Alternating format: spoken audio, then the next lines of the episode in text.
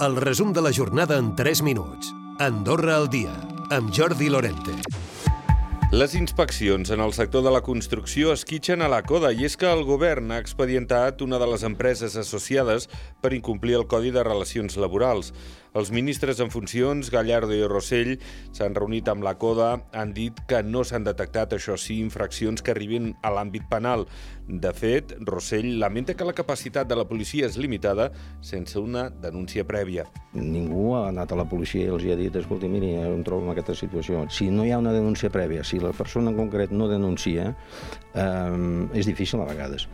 L'IPC definitiu del mes de gener l'han situat en el 7,4%, tres dècimes més que el desembre.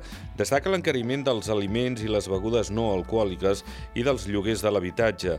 La inflació és més elevada que a França i Espanya, on se situa al voltant del 6% i alguns advocats consultats consideren que obligar a sol·licitar una excedència als treballadors per anar a les llistes electorals limita el dret al sufragi passiu, explicant que encara que s'hagi firmat un reglament intern, els drets constitucionals estan per sobre.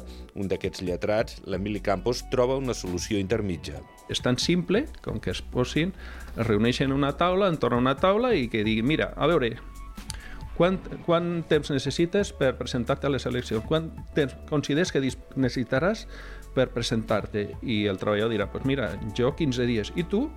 Jo 20. Pues mira, tu et dono un termini de suspensió del contracte de 20 dies i a tu 15. I problema resolt. Andorra hauria d'implementar un sector industrial més potent i convertir-se en un país que tregui més els nòmades digitals. Són aquells especialistes en noves tecnologies que operen globalment. Quizá Andorra le falte, como, como, lo, tiene, como lo tiene Liechtenstein y como lo tiene, y como lo tiene también eh, San Marino, le falte un sector industrial o una gran empresa industrial que, que refuerce ¿no? la, la composición de su Producto Interior Bruto.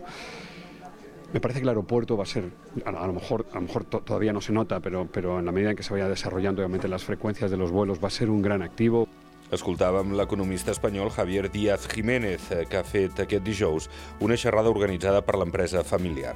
I els delictes tecnològics són un dels reptes compartits entre els cossos de policia del món. En aquest sentit, es treballa per millorar la col·laboració entre la policia andorrana i la Guàrdia Civil espanyola. Així ho ha dit aquest dijous la directora general del cos espanyol, María Gámez.